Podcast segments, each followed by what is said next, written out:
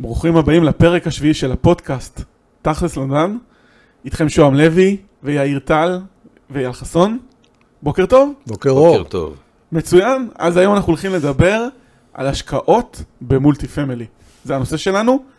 אז יאיר, נתחיל איתך. מה זה בכלל multi family? זו מילה שלא מוכרת כמעט לרוב הישראלים. נכון. אה, קודם כל, multi family זה צורת דיור. אה, בואו נסתכל רגע על אה, בניין.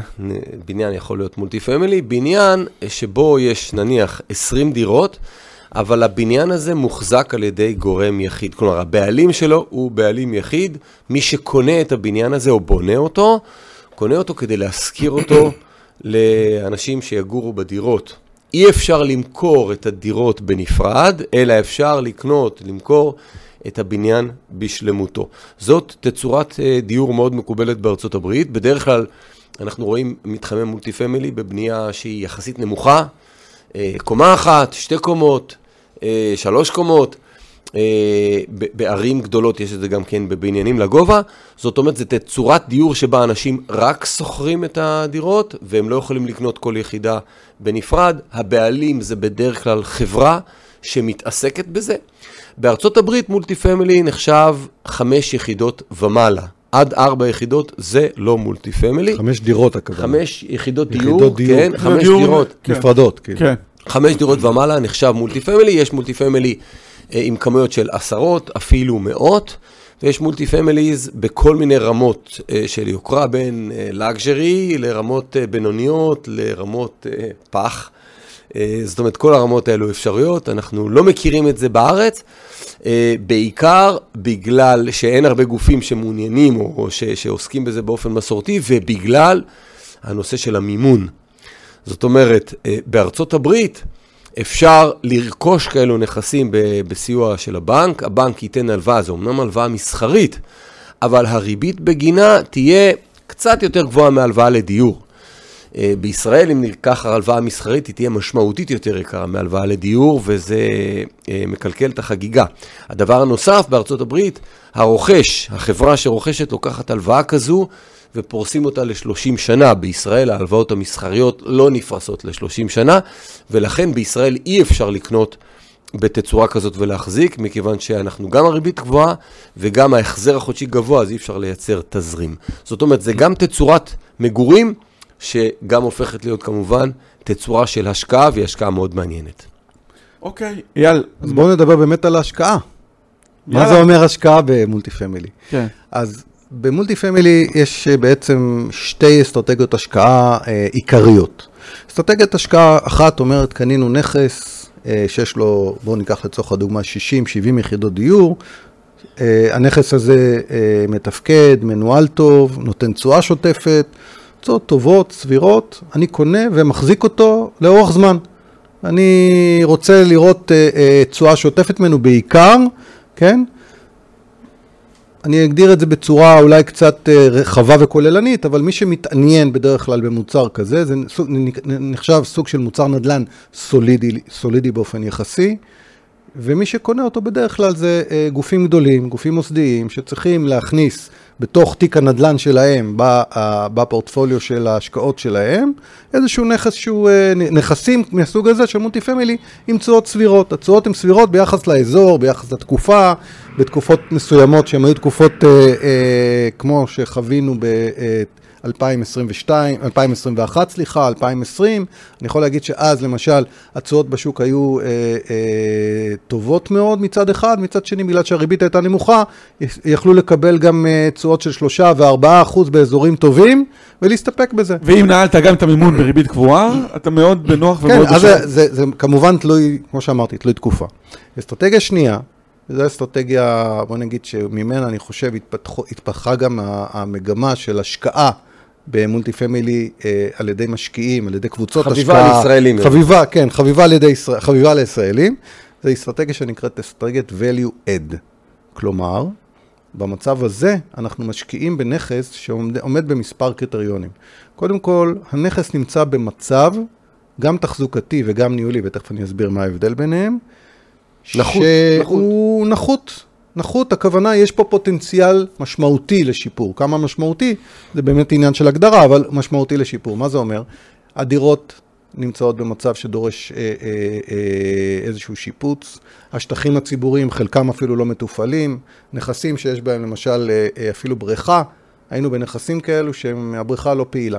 עכשיו, זו בריכה שנמצאת, קיימת, אמורה לשרת את הדיירים של המתחם, אבל היא לא פעילה. ואם היא תהיה פעילה, הם אם יהיו תהיה מאוד, פעילה, אה, מן הסתם- מאוד הפי בקיץ. הם יהיו שמחים, אפשר יהיה להשכיר, אולי תהיה גם אפילינג לשוכרים אחרים, וגם יכול להיות שהשכירות תהיה גבוהה יותר.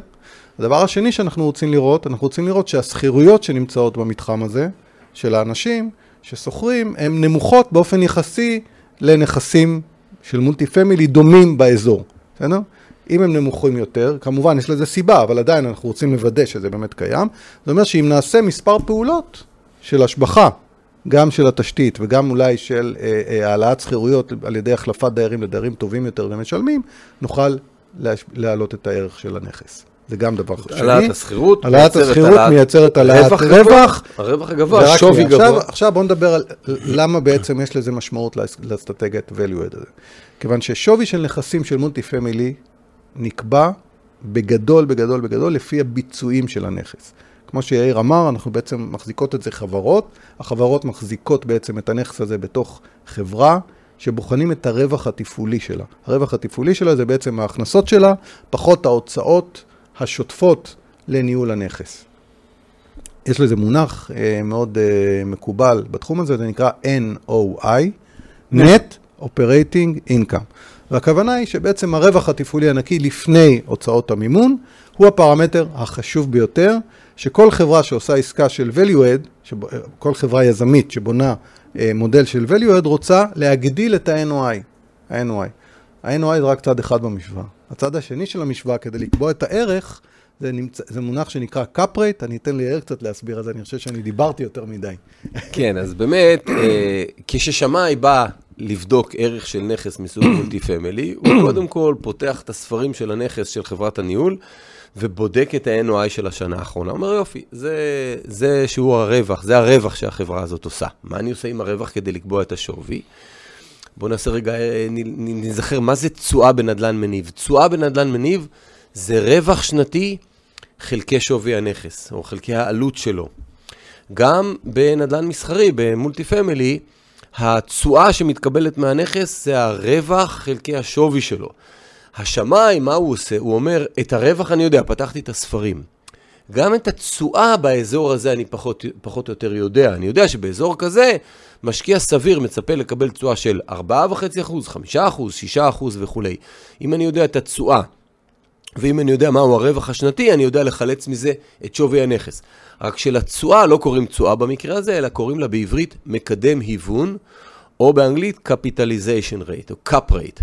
זאת אומרת, שווי הנכס נקבע על ידי ה-cap rate שאפשר להשיג אותו בסביבה הזו, בתקופה הזו, ועל ידי ה-NOI, הרווח התפעולי השנתי. ולכן, אסטרטגיית value add, אה, לסיכום החלק הזה, יש פה עוד הרבה מאחורי זה, זה לרכוש נכסים במצב שה-NOI הוא נחות מסיבות מסוימות, להיות, להשתכנע שאנחנו מסוגלים להעלות את ה-NOI, ואז אם ה-cap rate נשאר אותו דבר, זה אומר ששווי הנכס עולה. מדובר בתהליך של מספר שנים. ההשבחה הזאת זאת השבחה אקטיבית שאנחנו עושים אותה, כדי להעלות את ערך הנכס, כדי שנוכל אחר כך לבחור באחת מתוך מספר אסטרטגיות של יציאה.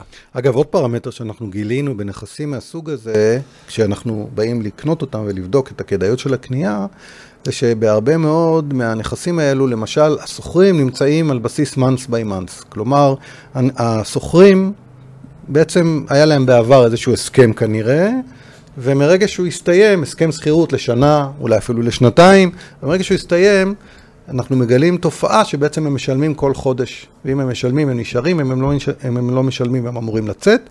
זה בדרך כלל אינדיקציה טובה לניהול לקוי. לוקה. כן. ניהול לקוי. כלומר, הבעלים של הנכס הנוכחי, או שהוא עייף כבר, או שהוא נמצא באזור אחר, החברה, והיא כבר פחות משקיעה בנכס הזה, ובעצם היא מאפשרת לאנשים להישאר על בסיס תשלום מיידי, הם לא טרחו לחדש להם הסכמים, הם בדרך כלל לא טרחו להעלות את שזה השכירויות. נוגע את כל העקרונות של נדל"ן, נכון. אתה, אתה לא שוכר Airbnb. נכון. ובשבילנו, כשאנחנו רואים סיטואציה כזאת, זה גם הזדמנות. אנחנו מבינים כמובן אחרי שבדקנו את זה, שגם יש לנו אפשרות להעלות את השכירויות יחסית די מהר. כי אפשר- אפשר להוציא להוציא אותם. את הדייר במידה והוא לא מעוניין לעלות, או במידה והוא לא מתאים לנו, כי הוא לא שילם הרבה זמן וכולי. יש הרבה סיטואציות אז כאלה. אנחנו גם נפגוש הרבה מקרים של אנשים שלא שילמו. נכון, אבל אנחנו נכון. יכולים גם להוציא אותם ואגב, יחסית בחודשים בקלות. הראשונים הם גם לא ישלמו, גם לנו, גם לה, ייקח זמן לטפל בסיטואציה הזאת ולתקן אותה. זאת אומרת, בדרך כלל כשנכנסים לנכס עם אסטרטגיית value add, השנה הראשונה היא שנה מאתגרת, כן. מכיוון שאנחנו גם נכנסים לשיפוצים, גם פוגשים את האוכלוסייה, עושים עליהם screening בחודשים הראשונים, מגלים עוד קצת ממה שיכולנו, לא יכולנו לגמרי להבין בתקופת ה-due diligence, ואז יש מספר חודשים של ירידה בביצועים, מכיוון שאנחנו מכניסים הרבה כסף, חלק מהדיירים מתגלות הבעיות, אנחנו מבינים את זה, אבל בכל נכס מחדש מגלים הפתעות חדשות. יש התרוקנות חזקה, יכולה להיות התרוקנות חזקה של הנכס, חלק מהדיירים לא משלמים, ולוקח זמן עד שאנחנו מצליחים להחזיר נכסים, זה נקרא להחזיר אה, יחידות דיור לחברת הניהול, מכיוון שאנחנו מתחילים לשפץ אותם ולהחזיר לחברת הניהול, אז בדרך כלל השנה הראשונה היא שנה מאתגרת, אה, שבה או שהתשואה מראש אמורה להיות נמוכה, או שאפילו, יכול להיות שאפילו שהיא מאוד נמוכה. בוא ניקח עוד זה ככה. פרמטר, הפרמטר שהוא חשוב בעניין של החלפת דיירים, וזה היכולת שלך להחליף את הדיירים גם מבחינה אה, חוקית.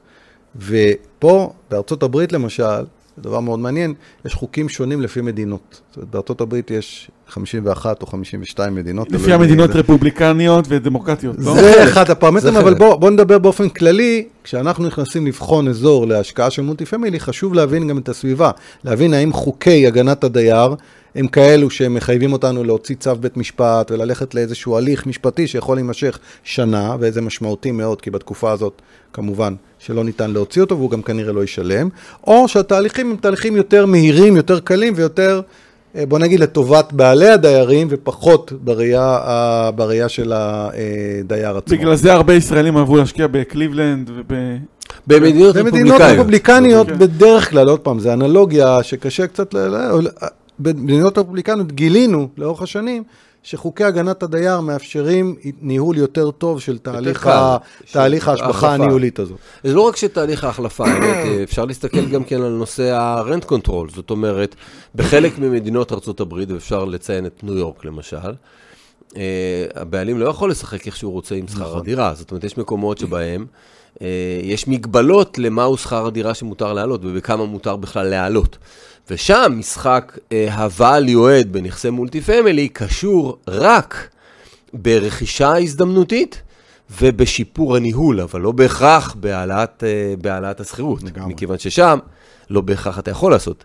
ואנחנו מעריכים שבתקופה הזאת, אנחנו גם יודעים, בתקופה הזאת, דווקא ניו יורק, שנחשבה יעד אה, לא כל כך אטרקטיבי בשנים האחרונות, בגלל שיותר קשה לעשות שם value add, ככל הנראה ההזדמנויות יכולות לצוץ שם, מכיוון שכשיש חולשה בשוק, המקומות החזקים יורדים יותר מהר. בניו יורק יצוצו הזדמנויות יותר uh, מהירות, ושם ה-value add יש לו אופי אחר, הוא לא בהכרח אופי של העלאת שכירות, אלא יותר אופי של uh, שיפור הניהול. אה, אז בעצם אנחנו מדברים על, על המולטי פמילי, זה סוג של גם עסקת השבחה וגם תשואה שוטפת, נכון? נכון, בדיוק. זה, זה שילוב של שני הדברים uh, ביחד, לפחות uh, value add זה עסקה שהיא מניבה, היא עסקת השבחה מניבה, ככה צריך להסתכל עליה. זאת אומרת, היא כן מחלקת תשואה שוטפת, נמוכה יותר או גבוהה יותר, אבל גם יש לה מרכיב של עליית ערך. זאת אומרת, שילוב של שני העולמות האלו ביחד, השבחה מניבה. זה מולטי פמילי. אוקיי, אומרת, יאללה. אנחנו נהנים בעצם משני העולמות בעסקה כזאת. אנחנו כן. נהנים גם אה, מעסקה שיש בה מרכיב השבחתי, כן? וגם מרכיב מניב, וזה בעצם הקסם הגדול של עסקאות מולטי פמילי. זה הדבר היפה בהם. אוקיי, אני עכשיו אה, חלק מקבוצה של משקיעים, שכעבור שלוש-ארבע שנים רוצים למכור את הנכס. מי, איך, איך בעצם מנהלים את המשא אותן? למי מוכרים? למי? מוכרים בכלל? למי כן. מוכרים? כן. אז אני אחזור רגע למה שאמרנו בהתחלה. בעצם יש שתי אסטרטגיות השקעה, אבל בסופו של דבר, בסופו של דבר, כאשר הנכס יהיה יציב, אחרי שנעשה את אותה השבחה, את אותו value add, אנחנו בעצם נגיע לאותו מצב שדיברנו. זה נכס שהוא יציב, עובד, מתפקד, מניב בצורה שוטפת, עם תחזוקה נורמטיבית לחלוטין, עם דיירים משלמים, עם הסכמים, מנוהלים, ובעצם אנחנו חוזרים לאותו מגרש. אנחנו יכולים למכור אותם לאותם גופים גדולים, שזה אה, קרנות פנסיה, חברות ביטוח, בתי השקעות בארצות הברית, שבונים פורטפוליו של נכסים מהסוג הזה בארצות הברית. כמובן שיש בזה יתרונות מסוימים, כאשר הנכס שלך הוא מגודל מסוים ומעלה, לכל גוף השקעות כזה יש גם את הקריטריונים שלו, יש כאלו שלא ייכנסו לנכסים לפחות נניח מ-200 יחידות, יש כאלו שלא ייכנסו לפחות מ-500 יחידות, צריך לדעת למי פונים. אה, זה מערכות שמנוהלות על ידי אה, ברוקרים שמתמחים בתחום הזה, הם יודעים איך לנהל את תהליכי ההצעה והמכירה. הרבה פעמים אנחנו גם נראה קיבוץ של מספר מתחמים לכדי פורטפוליו אחד. וכאן נכנסת השאלה גם, אה, מי בעצם, מי עושים את זה, ולזה אני ארים את ה... עוד לפני זה, אה, נכס כזה לא יימכר למשקיע נוסף שרוצה לעשות value add, כי כבר אין לו value add לעשות אותו. זאת אומרת, נכס כזה יימכר... זו נקודה מאוד חשובה, שזה כן. מצמצם קצת את זה מצמצם את השוק. סוגי המשקיעים שאני לגמרי, יכול למכור ברור. לגמרי. אנחנו נמכור את זה לקרנות שמחפשות אה, עסק יציב, עסק מנוהל יציב, שנותן תשואה אה, סבירה. קרנות פנסיה וכאלה. למשל. שלב כן. ה-value add, שלב ה-value add מיועד. לחברות, אני, אני אולי נעשה כאן את ההבחנה קצת, שלב ה-value add מיועד להשקעה על ידי חברות שהן יזמיות באופיין, עם יכולות ניהול, השבחה, תחזוקה, בצורה אה, אה, רחבה יותר, שיודעות גם לעשות את זה. שלב ה... שזה גם שלב שיש בו יותר סיכונים. כן, יש בו סיכונים. זה מתאים למשקיעים שהם אה, רוצים את התשואה היותר גבוהה, אבל הם מבינים המשקיע הפרטי. המשקיע מכיוון ש- הפרטי בדרך כלל מצפה לתשואות קצת יותר גבוהות. והוא מוכן לקחת סיכונים. בתמורה לזה שהוא משקיע כן. בהשקעה קבוצתית, בוא נגיד ככה, אני ישראלי שמשקיע שם, אומר, אני בכל זאת משקיע מעבר לים, משקיע, משקיע בנכס שאני בעצם לא מנהל אותו, אלא יש חברה וכולי. לא, ויש הפתעות גם. ויש אני הפתעות, מצפה, מצפה כן. לתשואה יותר גבוהה, אני ואני יודע שהסיכון יותר. יותר גבוה. מצפה לתשואה גבוהה יותר. כן. ולכן, זה השלב הנכון לאותו... אה, אז. המכירה היא, המכירה היא למשקיעים מהסוג הראשון, המשקיעים היציבים יותר, קרנות. קרנות, אז אה, קרנות אמריקאיות או קרנות... אה, קרנות ישראל? זה יכול להיות גם זה- ישראליות אגב, גם ישראליות ו- רכשו בעבר. ומי מנהל עבורנו את המשא ומתן? איך- מי מי פונה אליהם? איך זה אוקיי, עובד? אז פה כבר צריך להיכנס לנושא של... בוא ה- נשאל את השאלה איך בכלל משקיעים בכ- בדיוק. בכזאת השקעה, כשאנחנו נמצאים פה תנאים. מרחוק, האם אני עכשיו, כמשקיע בודד, עכשיו נוסע לארה"ב ומחפש מתחם multi family?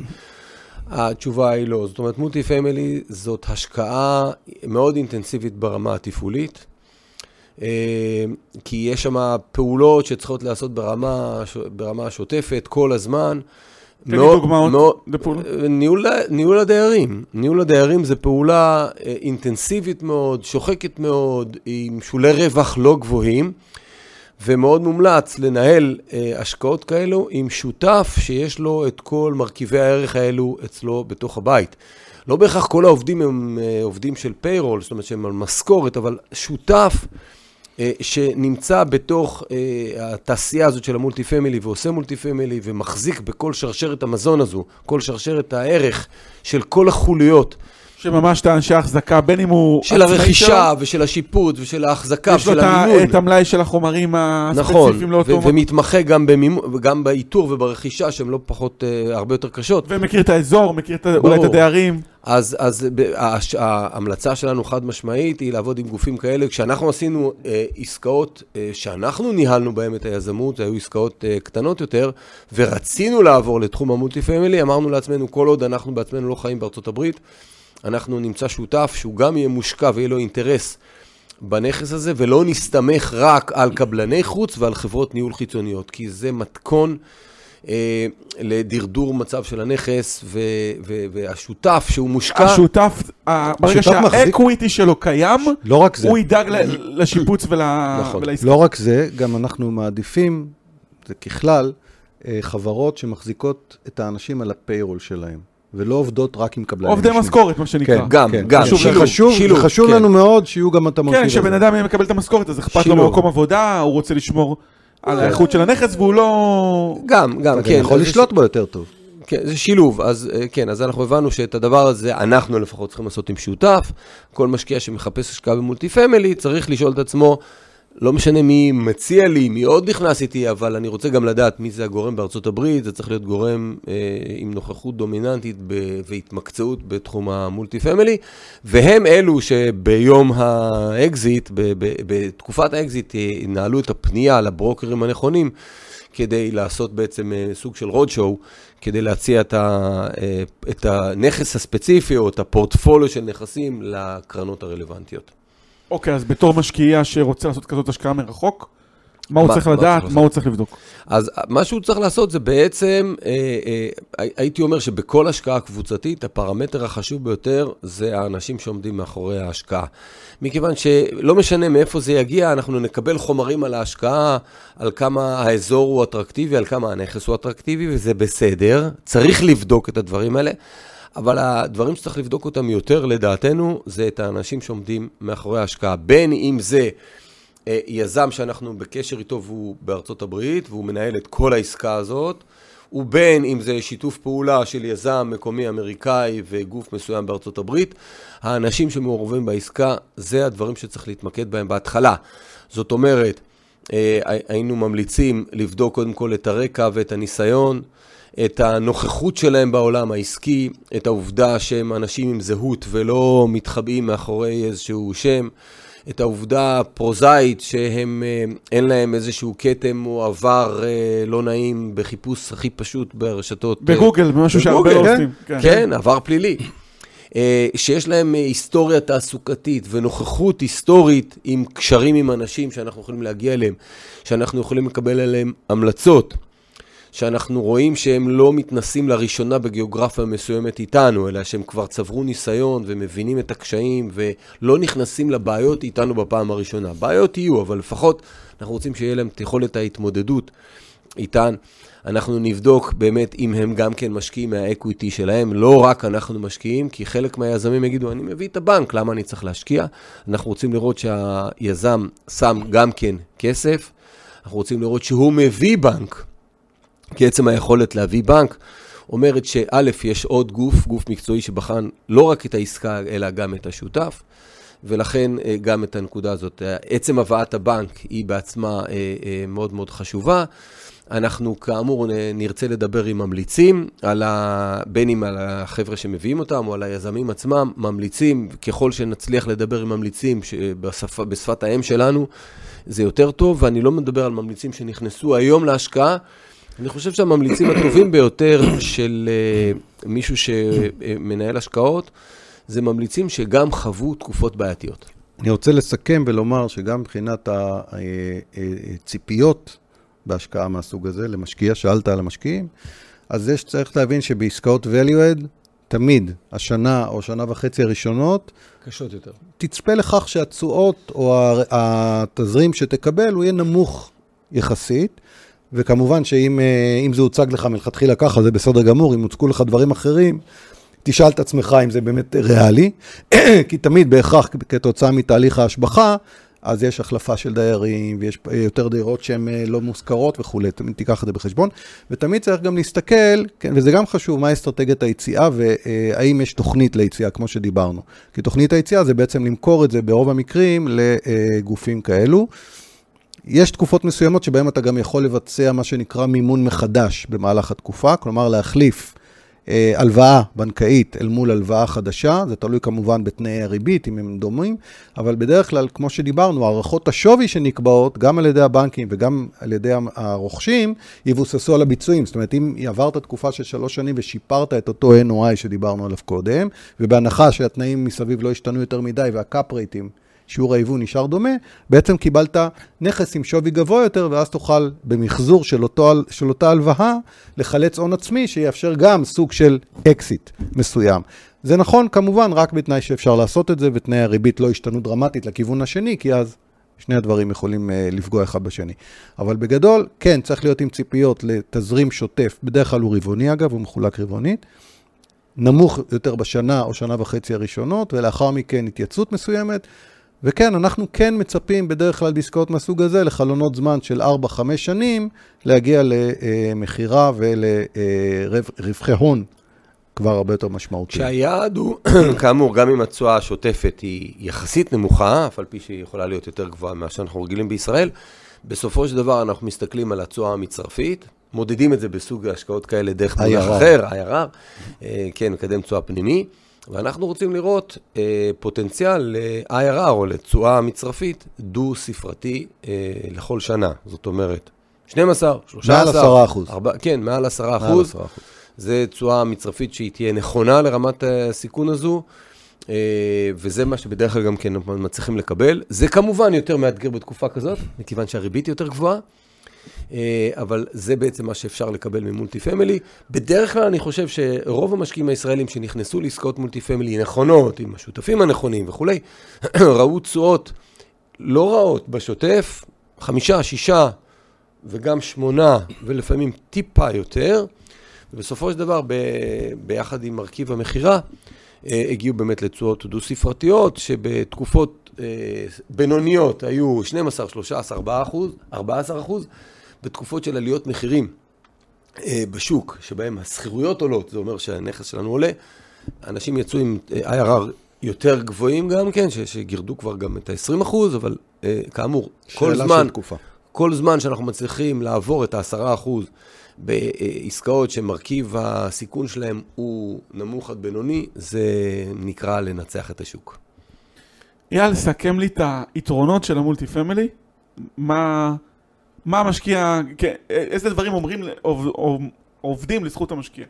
אוקיי. Okay. אז קודם כל, אה, משקיע שמשקיע ב multi family נהנה, כמו שאמרנו, בעצם מיתרון משולב של עסקה שהיא עסקה מניבה עם מרכיב השבחה. כלומר, בעצם, בסופו של דבר, הוא אה, יכול לצפות, כמו שיאיר אמר, לתשואות אחרי זמן, תשואות מצרפיות גבוהות יחסית, לעומת כל השקעה אחרת שאנחנו אה, מכירים. הדבר השני, הוא נהנה בעצם מיתרונות המימון שיכולים לקחת הגופים היזמיים, והוא בעצם לא צריך להתמודד עם נושא המימון. הוא, לא, הוא גם לא סוחב את המימון על הגב שלו. הוא לא סוחב את המימון על הגב שלו. החברה שמושקע בה אה, נושאת בתזרים של המימון, אבל הוא לא, לא בערבות. לא ערב. הוא לא בערבות, זה, לא דרמטי מאוד. לא יושב לו על החשבון בנק שלו. נכון, הוא לא ערב. נקודה נוספת, אה, ברוב המקרים, אה, סף הכניסה לעסקאות מהסוג הזה, הוא סף כניסה שהוא יותר נורמלי או יותר נמוך יחסית להשקעה שאתה צריך בדירה או בבית. כי אה, דירות בבתים בארצות הברית, בוא נגיד, בוא ניקח את זה לארצות הברית, אה, בתים סבירים באזורים טובים וכולי, כבר היום, אה, אנחנו מדברים היום בסביבות שנות 2021-2022, אנחנו מדברים על נכסים של מעל 100 אלף דולר, 100-120 אלף דולר באזורים טובים. ופה אנחנו יכולים לדבר על השקעות של גם בסביבות ה-60, 70, 80 אלף דולר, אתה יכול להיכנס אליהם. תלוי באיזה דבר. עסקה. תלוי באיזה עסקה, כמובן, אבל זה עדיין, זה עדיין אפשרי. והדבר הנוסף שחשוב פה, אתה בעצם אה, נהנה בעצם מהפיזור. יש פה פיזור על הרבה נכסים יחסית. זאת אומרת, בניגוד להשקעה שאתה משקיע בנכס בודד בארצות הברית, פה החברה בעצם לקחה פורטפוליו שלם, לא יכולת לקנות נכס כזה לבד בעצם, כי הוא מאוד מאוד יקר. אתה נהנה מיתרונות של מולטי פמילי, שזה יתרונות הפיזור. אתה נהנה מהשבחה. וזה בתהליך שהוא בעצם אה, לא נעשה על ידך, אלא נענה על ידי חברה אה, מקצועית. עכשיו, רציתי להגיד שזה גם יתרון הפסיביות, אבל זה באמת שאלה כבר של הסוג, של הפרופיל של המשקיע. אתה בעצם פה פסיבי לחלוטין. אתה משקיע כסף, מקבל דיווחים, אין לך השפעה, אין לך השפעה. אחת. אתה מקבל החלטה אחת האם להיכנס. כן. ולאחר מכן אתה בעצם... כן, אה, כל עוד הנכס עובד פחות או יותר לפי המתווה, אתה לא נקרא וגם לא יכול כל כך לקבל החלטות. אם יש חריגות לטובה או לרעה, אז יקראו לך לעזור בקבלת ההחלטות, אבל זו החלטה אבל עדיין לא תוכל לקבל את ההחלטה בעצמך. לא לבד, כן, זאת השקעה פסיבית שלחלק מהאנשים זה יתרון וחלק מהאנשים זה חיסרון, כי הם רוצים לשלוט כן. בהכל. אבל נכון, זה אנחנו לא, רואים לא את זה, אנחנו רואים בזה אה, אה, פרמטר, כל אחד צריך לבחור כן, אם זה מתאים לו או לא מתאים לו. כן, אבל גם לא כל אחד הוא מספיק מקצועי בשביל לקבל נכון, את ההחלטות הנכונות, נכון, נכון, מבלי לגרוע. נכון. ואם הוא עושה את זה בעצמו, אז הוא לא צריך את ה... כן, אז הוא היזם כן, בעצם. כן. אתה צודק, אתה צודק. כן. אז עכשיו, מה, מה החסרונות של ה... ברור. נכון, אז צריך לציין גם את, הח... גם את החסרונות, אז בואו נתחיל. אה, קודם כל, כל דבר שקשור לסוגיה שמדובר בנדל"ן מניב, יכול גם להיות אה, אה, חיסרון או סיכון. אה, כל דבר שיכול להעיב על אותו NOI, זאת אומרת, אה, אם אנחנו מצפים לרמת שכר דירה מסוימת, והשוק מאיזושהי סיבה כבר לא תומך, משהו השתנה בשוק ופתאום אנשים לא יכולים לשלם את זה. אם אנחנו בונים על תפוסה מסוימת ופתאום השוק לא תומך בזה. אם אה, אנחנו מתמודדים עם דיירים שבאחוז יותר גבוה הם אה, מתקשים וצריך לפנות אותם. או באזור שהידרדר מבחינת דיירים ותאים. באזור שהידרדר. כל דבר ש... אה, נחשוב רגע על דירה אפילו בישראל, כל דבר שמשפיע לי על היכולת לקבל שכר דירה, אבל זה פשוט במגניטוד יותר שינוי גבוהה. מקרו, השוק. נכון. השוק יותר חזק מכולם והוא קובע את... הדברים האלו זה, זה סיכון ראשון. סיכון שני זה עלייה בהוצאות התפעוליות. בנכס כזה, ההוצאות התפעוליות מגיעות ל-40 עד 50 אחוז, לפעמים אפילו יותר מ-50 אחוז מההכנסה. וואו, זה ממש כן, גבוה. זה סדרי הגודל. זאת אומרת, אם הוא מאוכלס לפחות ב-50% אני בבעיה רצינית, אני מפסיד. קודם כל זה ברור. זה ברור שאם אנחנו... לא, אני אומר, ברור לך, כן. לא ברור למי שמאזין בערך. כן. אז כשמנהלים אותו טוב, אפשר אה, אה, לחתור לכיוון ה-40 אחוז, לכיוון ה-40 אחוז הוצאות תפעוליות. ההוצאות התפעוליות, למשל, זה ביטוח של נכס שהוא יקר, זה ארנונה, פרופרטי טקס, עלויות המים, שבדרך כלל הדיירים לא משלמים מים כי לא שמים שעון מים לכל אחד, עלויות אה, אה, תחזוקה ועלויות של החלפת דיירים. אה, ועליות כוח אדם. ועלויות כוח אדם. אז אם העלויות האלה משתנות, ובאמת בתקופה של השנה האחרונה, עם האינפלציה הגבוהה, הביטוחים, הפרופרטי טקס, עלויות המים, ה-utilities, מה שנקרא, התייקרו בצורה משמעותית, וזה גם כן uh, uh, חלק מהסיכון. וכמובן שהסיכון הנוסף הוא סוגיית המימון. זאת אומרת, ככל שאנחנו לוקחים את ה... רוכשים את הנכסים האלה עם ריבית, עם הלוואות בריבית משתנה, והריבית משתנה, אז זה מעיב על תזרים המזומנים של החברה, והוא יכול להוות גורם סיכון. ופה המקום גם כן לציין אה, מכשירים שיכולים אה, לעשות, אה, מיתיג, לשפר, למזער את, הניזוק, את הסיכונים גידור, האלו, גידור לגדר, סיכון. תודה, לגדר. וזה פוליסות נהוגות, היום, היום הן כבר יותר מוכרות, אבל מי שנהג בחוכמה רכש אותן גם בתקופות שלא היה צריך. פוליסות שבעצם מגנות על שינויים חריגים בשער הריבית. למשל, אם רכשנו נכס ב-4.5% ריבית, כלומר לקחנו הלוואה ב-4.5%, ואם ההלוואה הזאת מתייקרת ל-5, 5.5, אנחנו משלמים... בגלל שהריבית היא ריבית משתנה. ריבית משתנה, אם, כן. אם הריבית עולה ל-5, 5.5, אנחנו משלמים את הפער הזה, אבל נניח אם היא חורגת מעל 6.2, אנחנו משלמים עד 6.2, מעל 6.2 מופעל מנגנון של. ביטוח, נכון. כן. אז, רק אני צריך לוודא שאותו נותן ביטוח לא יקרוס במקרים קיצוניים. נכון. נכון, נכון, נכון, כי פתאום הוא צריך לשלם לכולם. כן. לא, זה, אפרופו 2008 שהזכרנו קודם, זה בדיוק. היה סיפור שם ב-2008.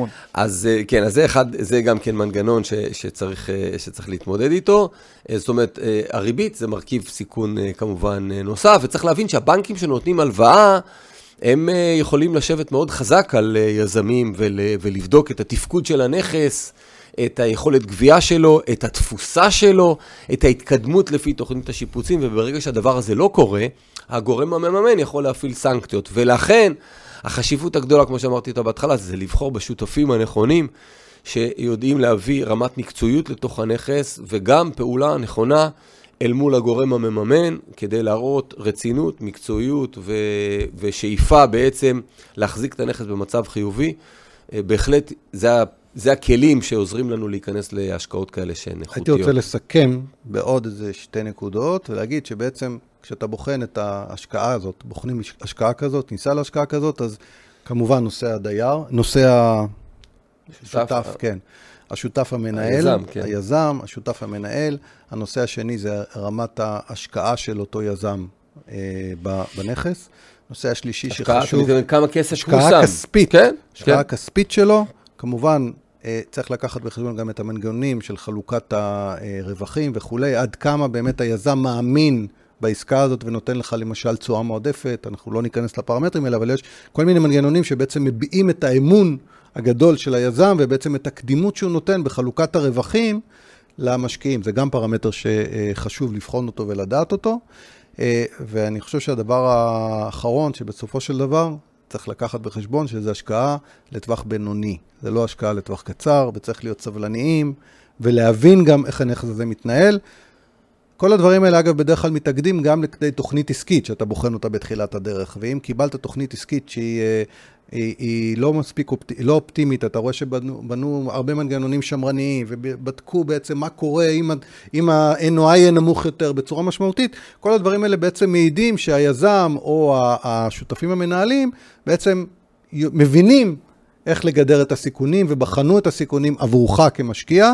כמובן שבסוף, בסוף, בסוף זה גם אמון. צריך גם קצת אה, מנגנון של אמון. וגם קצת מציאות ומזל. מציאות ומזל. כן, אני אומר, לפעמים הרבה אנשים לא יודעים מה לשאול, אז הנה, הבאת פה... נכון, כמה דברים שחשובים. תנו לי דוח תרחישים של מצבים קיצוניים. נכון, נכון, זה מאוד חשוב. רגישות, קוראים נכון. לזה ניתוחי רגישות בשפה כן. המקצועית. כן. מצוין. אז אה, פרק שביעי של הפודקאסט תכלס נדל"ן, יאיר טל, אייל חסון, תודה רבה לכם. תודה רבה. נתראה בפרק הבא לתכלס תכלס נדל"ן. נדל"ן. להתראות, ביי.